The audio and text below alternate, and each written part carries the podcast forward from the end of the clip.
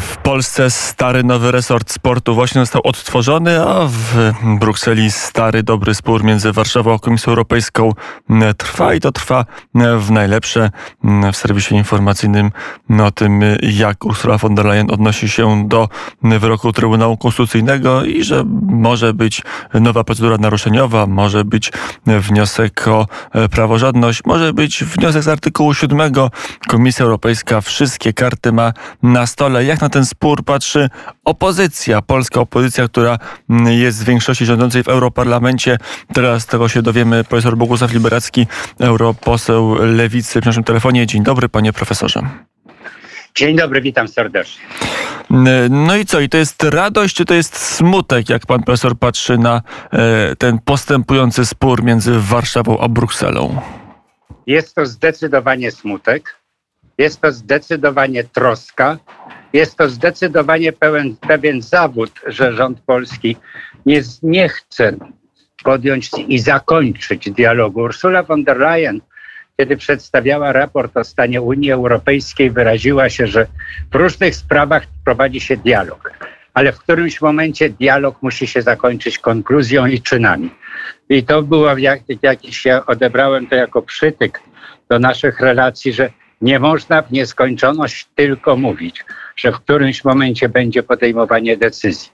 I ja osobiście, ale nie tylko ja, wszystkich tych, którzy znam w Parlamencie Europejskim, z polskiej delegacji i konserwatystów, i reformatorów, i Europejskiej Partii Ludowej oraz mojej grupy socjalistów i demokratów, wszyscy chcielibyśmy, aby Polska była normalnym państwem członkowskim Unii Europejskiej, aby Polska nie była wytykana, piętnowana, aby Polska była jako piąte największe państwo właśnie w tej piątce największej, czyli czymś, więcej niż tylko przeciętnym członkiem Unii Europejskiej.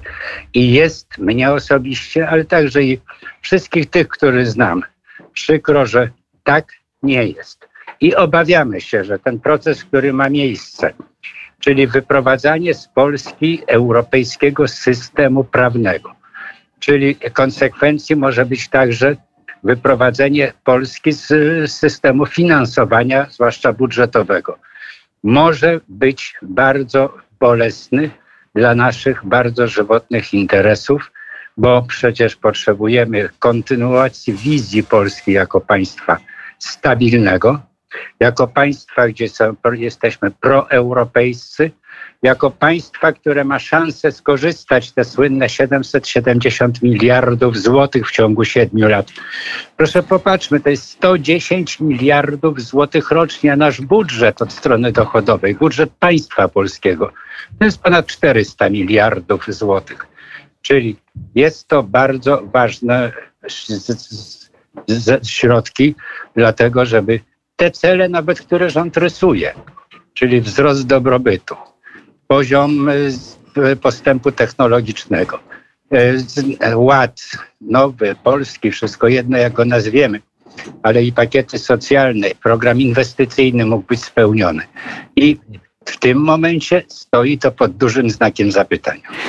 E, teraz e, pytanie, jaka jest e, cena, bo czy w, w, wizji pana profesora, w wizji lewicy Unia to jest samo dobro, bo są takie środowiska, które dostrzegają, że, że jednak jest to pewna transakcja i że są dobre strony członkostwa w Unii, a są też takie, które należą do minusów. Czy pan profesor jakikolwiek minus Unii Europejskiej dostrzega? Samo dobro to jest chyba jedno jedyne, czyli opatrzność, a wszystkie inne rzeczy, które są e, przez człowieka wymyślone, postanowione, mają swoje strony ujemne. I Unia Europejska jako taka też ma swoje strony ujemne, przy czym trwa duży spór generalnie. Ta debata, co jest stroną ujemną. Jedni twierdzą zbyt duże kompetencje Unii Europejskiej, inni natomiast Unia Europejska jest ociężała, niesprawna, nie ma zdolności reakcyjnej w porę. Czyli na ten temat trwać będzie dialog. Natomiast z naszego punktu widzenia polskiego, co jest ważne, to jest to, że Unia Europejska daje nam dostęp do europejskiego rynku. Jestem ekonomistą, więc proszę wybaczyć, że Od tego zacznę. I proszę popatrzmy przez te nasze lata członkostwa 2004 do dzisiaj. Jak zmieniło się oblicze polskiej wsi, jak zmieniło się oblicze miast, miasteczek, nie mówiąc już o dużych aglomeracjach, ile nam przybyło dróg ekspresowych, autostrad, ile zmodernizowaliśmy kilometrów linii kolejowych, jak bogatsze jest nasze społeczeństwo, kiedy łączy się pracowitość ludzi z przedsiębiorczością, z programem inwestycyjnym i wspierane to jest ze środków budżetowych Unii Europejskiej, czyli tworzy się, my wchodzimy coraz bardziej w to, co się nazywa spójna europejska przestrzeń gospodarcza. No i jeszcze jeden aspekt, przecież to my mamy. Wielkie, chyba setki tysięcy ludzi którzy korzystają z dóbr kultury. Ja już nie mówię o trzech milionach Polaków, którzy pracują na terenie Unii Europejskiej poza granicami Polski, no bo Polska to też jest Unia Europejska. To jest ta atrakcyjność Unii Europejskiej dla młodego pokolenia, bo możliwość edukacji, bo poczucie wolności, bo otwarta przestrzeń, 4 miliony kilometrów kwadratowych tej przestrzeni otwartej. To jest jednak wielka skala, 400 milionów obywateli Unii Europejskiej. Także z tego punktu widzenia jest to szansa A. na awans gospodarczy, społeczny, ale także na poczucie bezpieczeństwa A, gospodarczego. A czy wizji pana posła, w wizji europosła z, wybranego z listy lewicy i wieloletniego polityka Polskiej Partii Lewicowej jest jakiś kres integracji? Czy ta integracja w pewnym momencie powinna się zatrzymać, czy ona powinna tak iść do przodu, do przodu, aż w końcu, aż w końcu Bruksela będzie miała całość władzy, nie wiem czy demokratycznej, ale, ale całość władzy? Otóż y, ja uważam, że jest to pytanie postawione i dylemat postawiony przewrotnie i w tym momencie proszę się nie gniewać, panie redaktorze, ale nieadekwatnie. My stoimy dzisiaj wobec następującego wyzwania. W globalnym świecie chcemy wiedzieć, że nasz kontynent, nasza wspólnota będą odgrywać należytą rolę bo nasza gospodarka Unii Europejskiej jest porównywalna zupełnie pod względem produktu krajowego brutto z gospodarką Stanów Zjednoczonych czy Chin. Po drugie, że będziemy czuć się bezpieczni i szanowani w świecie, bezpieczni gospodarczo, szanowani w świecie właśnie ze względu na potęgę gospodarczą, na stabilność wewnętrzną Unii. Po trzecie, co jest bardzo ważne, że my jako Polacy, jako ten nasz relatywnie duże państwo członkowskie w Unii Europejskiej. Czasami mówi się średnie. Nie, w kategorii Unii Europejskiej jesteśmy dużym państwem członkowskim. To są Niemcy, Francja, Włochy, Hiszpania, Polska. Czyli chcielibyśmy, żeby nasze stanowisko Nasza pozycja była ważna i słyszana zarówno w Pekinie, w Waszyngtonie, jak i w Moskwie i z tym się liczono. Z tym się można, będą liczyć, jeżeli to będzie w ramach pakietu wspólnotowego. Także nie ma takiego po poglądu. Nikt w Brukseli odpowiedzialnie nie mówi o tym, że idziemy w kierunku superpaństwa. Nie ma, jeszcze raz podkreślam, takiego poglądu. Nikt nie mówi, że z tego ma być nie, panie profesor, to pan profesor trochę tutaj już jest zbyt optymistyczny, bo jak się posłucha e, lewicy w Europarlamencie, to tam słowo federacja i postępująca, postępująca integracja jest na porządku dziennym. To tylko u nas na podwórku się wydaje, że to są jakieś takie miazmata. W Europarlamencie to pada, to jest dyskutowane, to jest popierane czasami, panie pośle. Stwierdzam jednoznacznie, jeżeli przez lewica rozumie się grupę socjalistów i demokratów w Parlamencie Europejskim, to nie. Jeżeli przez lewicę uważa się tak zwaną lewicę nordycką zieloną, to, to jest co innego, ale to jest grupa, która ma nieco poniżej 40 posłów. No i wobec tego wpływ na bieg spraw ma taki, jaki ma. Pani SPD niemieckie ani socjaliści hiszpańscy, bo to jest moja rodzina polityczna, ani socjaldemokraci szwedzcy, ani, e, ani lewica SLD, dotychczas teraz nowa lewica w Polsce, nigdy nie składali deklaracji, czy Partia Demokratyczna we Włoszech, bo to są nasi partnerzy polityczni, czy socjaldemokraci austriaccy, nikt nie składał deklaracji typu chcemy mieć Federację Europejską. Chcemy mieć superpaństwo. Takiego e, zdania, poglądu nigdy nie wyrażono. Żeby to była postępująca i, i federacja. Chociaż jakby tak pogrzebać w cytatach, właśnie to robi chociażby Leszka Millera czy, czy Roberta Biedonia, tam się znajdzie takie elementy, że być może Europarlament powinien mieć jeszcze większe kompetencje, że Komisja powinna mieć większe kompetencje, że Rada Europejska, czyli przedstawiciele rządów powinni mieć tych kompetencji troszkę mniej. Jest taki nur, żeby podnieść to wszystko na poziom europejski, brukselski, bo wtedy przegramy, to jest główny argument, przegramy wyścig z Chinami i ze Stanami Zjednoczonymi. Argument nie przegrać wyścigu jest bardzo ważny, ale wypowiada się teraz poglądy różne. Dlaczego? Od czerwca bieżącego roku rozpoczęła się wielka debata na temat, jaka Europa, przyszłość Unii Europejskiej. Do tej debaty są włączeni wszyscy obywatele, począwszy od 16 roku życia. Instytucje, i te oficjalne, typu parlament, komisja, i te pozarządowe, organizacje społeczne, zawodowe, czyli NGOsy, tak zwane młode pokolenie, pokolenie emerytów i różne warianty rzeczywiście i ewentualne y, rozwiązania się przymierza. Jeżeli chodzi o Parlament Europejski, tak, jest następujący postulat rozważany. Mianowicie Parlament Europejski nie ma inicjatywy ustawodawczej. Inicjatywę ustawodawczą ma Komisja Europejska i jest na, na porządku dnia postulat Parlament Europejski, czy Parlament Europejski nie powinien być wyposażony w inicjatywę ustawodawczą, tak jak są projekty poselskie w polskim Sejmie. No i jeżeli to traktujemy jako wzmocnienie roli ewentualnie, no to byłaby jeszcze jedna, jeszcze jedna prerogatywa, ale i odpowiedzialność.